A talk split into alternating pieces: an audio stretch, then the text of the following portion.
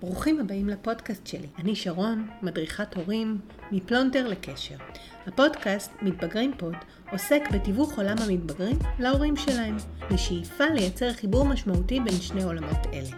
הפעם, קצרצרים במתבגרים פוד, כלומר פרקים מקסימום של 10 דקות העוסקים ביישום יומיומי. מתחילים! לפני מספר ימים, כשחשבתי על מה נדבר בפרק הנוכחי של קצרצרים 5, התלבטתי בסוגיה ואמרתי, נשאל את... אה, אני אלך ישר למקור. אני אלך לבן שלי, הבכור שלי הוא בן 17, ואני אשאל אותו, איזה סוגיות מטרידות בני נוער, מה הוא חושב שחשוב שהורים של בני נוער ידעו. הוא התבונן בי וחשב לרגע, ואז הוא אמר לי, את יודעת אמא, מה שהכי חשוב זה שהורים ידעו שהם צריכים להתעניין בחיים של הילדים שלהם. אמרתי לו, למה אתה מתכוון איתי? זאת אומרת שיגלו עניין אמיתי בתחומי העניין של הילדים שלהם. לא כזה ששואל ולא אכפת להם, זאת אומרת רק מין שאלה כזאת של נימוס. אלא ממש ידעו, למשל, אם הילדים שלהם הם גיימרים, אז שידעו באיזה משחקים הם משחקים, מה המשחקים האלה נותנים להם, איזה מיומנויות הם רוצים להשיג במשחק ומה הם כבר השיגו. אם הבנות שלהם הם בטיק טוק או הם ביוטריות, הן אוהבות... אה, אני הולכת בכוונה לדברים שבדרך כלל הם טריגרים של הורים. דברים שהורים פחות אוהבים. כי הוא אמר, זה לא משנה, יש גם כאלה שאוהבים לצפות אה, ברילס, בסרטונים, ויש כאלה שהם אוהבים אה, להכין את הסרטונים. יש כל מיני, היום העולם אה, של בני הנוער עמוס בתוכן שהם גם רוצים לייצר, והם כולם רוצים להתפרסם, ויש לנו נטייה כהורים לזלזל בשאיפות שלהם קודם כל. ובדברים שהם מייצרים ואת הדברים שהם מתעניינים בהם. זאת אומרת, מה שחשוב באמת זה עניין אמיתי, שאני ארגיש שמתעניינים בחיים שלי, שמתעניינים במה שמעניין אותי, שידעו מי אני בעצם. הוא אמר, יש לי חברים שחוו חוויות אחרות מההורים שלהם, וזה מאוד מציק להם ומלווה אותם גם בגילאים כבר יותר מבוגרים. אה, אז אה, זה מה שהוא אמר שחשוב שההורים ידעו. אז זה דבר ראשון שאני מתווכת לכם. והדבר השני, הוא שזה לקח אותי לעולם של שייכות. מהי בעצם שייכות? שייכות, כל אחד נולד בתוך משפחה. ואז מטבע הדברים הוא נולד למשפחה, הוא שייך אליה. השאלה, אם בתפיסה הסובייקטיבית שלו, האדם מרגיש חלק מהמשפחה. ואחר כך נרחיב את זה למעגלים של חלק מהחברים שלו בגן, חלק מהחברים שלו בבית ספר, וחלק מהקבוצה בצופים, וחלק מהקבוצה בחוג. איך הוא מרגיש בתוך קבוצה מסוימת. כשהקבוצה הראשונה שאנחנו גדלים וחיים בה היא כמובן הבית. והבית צריך לייצר תחושה שבסובייקטיביות של הנער, הנערה, הילד, הילדה שאנחנו מדברים, הוא ירגיש שייך. כי שייכות זו לא פריבילגיה. זה צורך עמוק, שהוא כמו צורך אה, לאכול, הוא כמו הצורך לישון. כל אדם זקוק להרגיש שייך. השייכות הזאת, להיות חלק ממשהו, מכיוון שאנחנו אנשים שחיים בחברה וזקוקים לחברה, אנחנו רוצים להרגיש שאנחנו חלק ממנה, אנחנו תורמים, אנחנו מועילים, אנחנו משמעותיים בתוך החברה. וכדי להרגיש את זה, כשאתה מרגיש שייך באופן הזה לבית, אז מן הסתם אתה מרגיש בטוח בעצמך, תחושת הדימוי העצמי שלך עולה, תחושת הערך שלך צומחת. וכשאתה יוצא החוצה, בהתחלה כל מה שיש לך זה התא המשפחתי, אבל כשאתה יוצא החוצה למקומות האחרים, לחברות אחרות, יש לך, אתה כבר בא מצויד עם היכולת, עם דעה חיובית על עצמך, עם איזשהו חוסן נפשי, עם מקום שאתה מרגיש בו, שהצורך הזה להרגיש שייך נענה, ואתה מגיע ממקום יותר חזק ויותר מסוגל. אתה מבין גם איך להתנהל מחברה ומה אתה צריך וראוי שתקבל מחברה כדי להרגיש בה טוב. אז המטרה שלנו ההורים היא באמת שהילדים יחושו שייכים. לתא המשפחתי שלנו, שכולנו בעצם נחוש שייכים. זה גם מאפשר אווירה יותר טובה בבית, זה מאפשר קרבה, יחסי קרבה, זה מאפשר את כל הדברים שאנחנו רוצים להשיג. אז מאוד חשוב שזה יהיה שם. התנועה אל השייכות תמיד תהיה. מישהו שהוא לא מרגיש שייך, הרצון שלו יהיה לחוש שייך. עכשיו, כדי שזה יקרה הרבה פעמים, אנחנו לא יודעים איך לבצע את התנועה הזאת, אנחנו יודעים שמשהו חסר לנו. אנחנו מרגישים חוסר בצורך מסוים שלא נענה, ואנחנו מסתכלים מסביב וחושבים איך אנחנו נשיג את הדבר הזה. הרבה פעמים על המשבצת הזו מתפתחות אה, התנהגויות מפריעות של ילדים, של בני נוער. הם, הם לומדים, זה לא משנה להם איך הם יקבלו את התחושה הזאת של השייכות, את ההתייחסות. העיקר שהם יקבלו אותה. ואז בעצם מתפתחות כל ההתנהגויות אה, המפריעות. למשל, ילד שמפריע למורה בכיתה.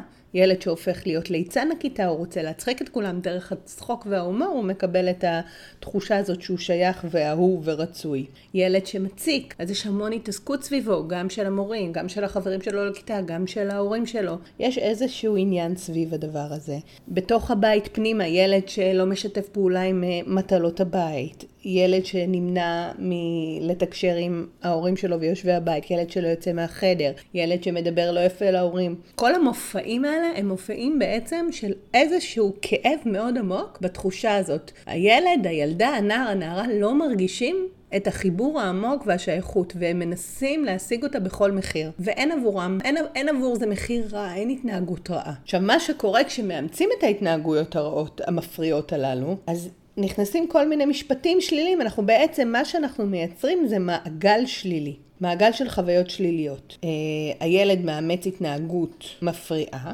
ההתנהגות המפריעה תיצור התייחסות, אבל ההתייחסות היא ההתייחסות שלילית. תמיד אתה חייב להרוס לכולם, אתה לא יודע להתנהג, אתה כבר ילד כזה גדול, אתה לא מבין וכולי. כל מיני משפטים שבעצם מקטינים אותו, בעצם מתייחסים רק לדבר, אה, למופעים השליליים שלו, שעוד פעם לא נותנים לו מענה על הצרכים, שעוד פעם הוא מרגיש שלא רואים ולא מבינים אותו. ואז ההתייחסות השלילית הזאת מתדלקת את חוסר הערכה העצמי שלו, את הדימוי העצמי הירוד שלו, עוד יותר מקטינה את תחושת השייכות. שוב הילד מרגיש לא שייך, ושוב פעם הוא מרגיש את הצורך ללכת אל השייכות ולהשיג אותה. וכך נוצר איזשהו מעגל שלילי שמת... שמזין את עצמו כל הזמן, ו...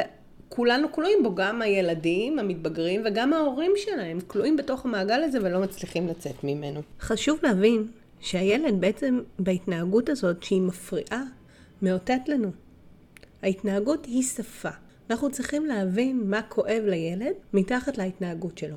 מה מציק. כדי שנוכל לעשות את זה, אנחנו קודם כל צריכים להסתכל על ההתנהגויות שלו ממקום אחר, להבין שכולנו נולדנו מתוך רצון להשתייך חברתית, להיות חלק ממשהו. האינטרס שלנו מלידה הוא להתנהג בהלימה, להיות אדם חברתי, פועל, תורם, מועיל. וכשמשהו מתפספס לנו, אז אנחנו מתחילים ל- למצוא דרכים חלופיות כדי להרים לנו כדי להרגיש יותר שייך, כדי להרים את תחושת הערך שלנו, כדי לנסות להתמודד עם המחסור הזה. אז הדבר הראשון שנדרש מאיתנו ההורים, כשיש התנהגויות שנראות לנו לא תקינות עבורנו, או שמפריעות, או שבעצם הן צועקות, זה כמו צעקה.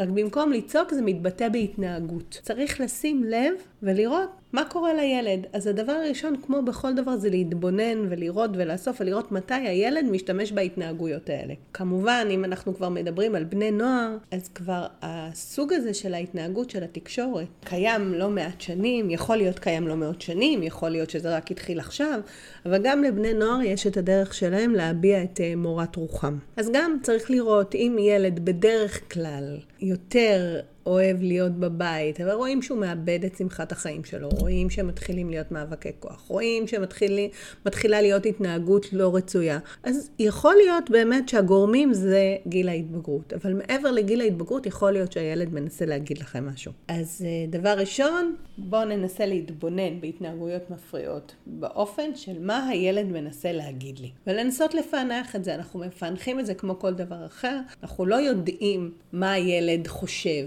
מה הוא רואה סובייקטיבית. אנחנו צריכים לקבל ממנו, הושטת יד שהוא יעזור לנו להיכנס לתוך ה mind שלו, לתוך המוח שלו ולראות את זה. ולכן אנחנו צריכים, אה, כמו כל הפרקים הקודמים, קודם כל דבר ראשון, הקשבה, הקשבה פעילה, הקשבה אותנטית, אה, ומשם להתחיל להקפיד בחיי היומיום על יצירת אה, מרכיבי תחושת השייכות בבית. עכשיו, על מרכיבי תחושת השייכות טרם דיברנו, אנחנו נדבר עליהם בפרק הבא של קצרצרים, כי הפרק הזה עומד להסתיים, אז אני חושבת שבפרק הזה דיברנו על מה החשיבות של תחושת שייכות, כמה היא חשובה לכל בן אדם וכמה כאשר תחושת השייכות מלאה ובטוחה, היא מאפשרת לנו לתפקד יותר טוב בכל מעגלי חיינו, החל ממעגל המשפחה החוצה.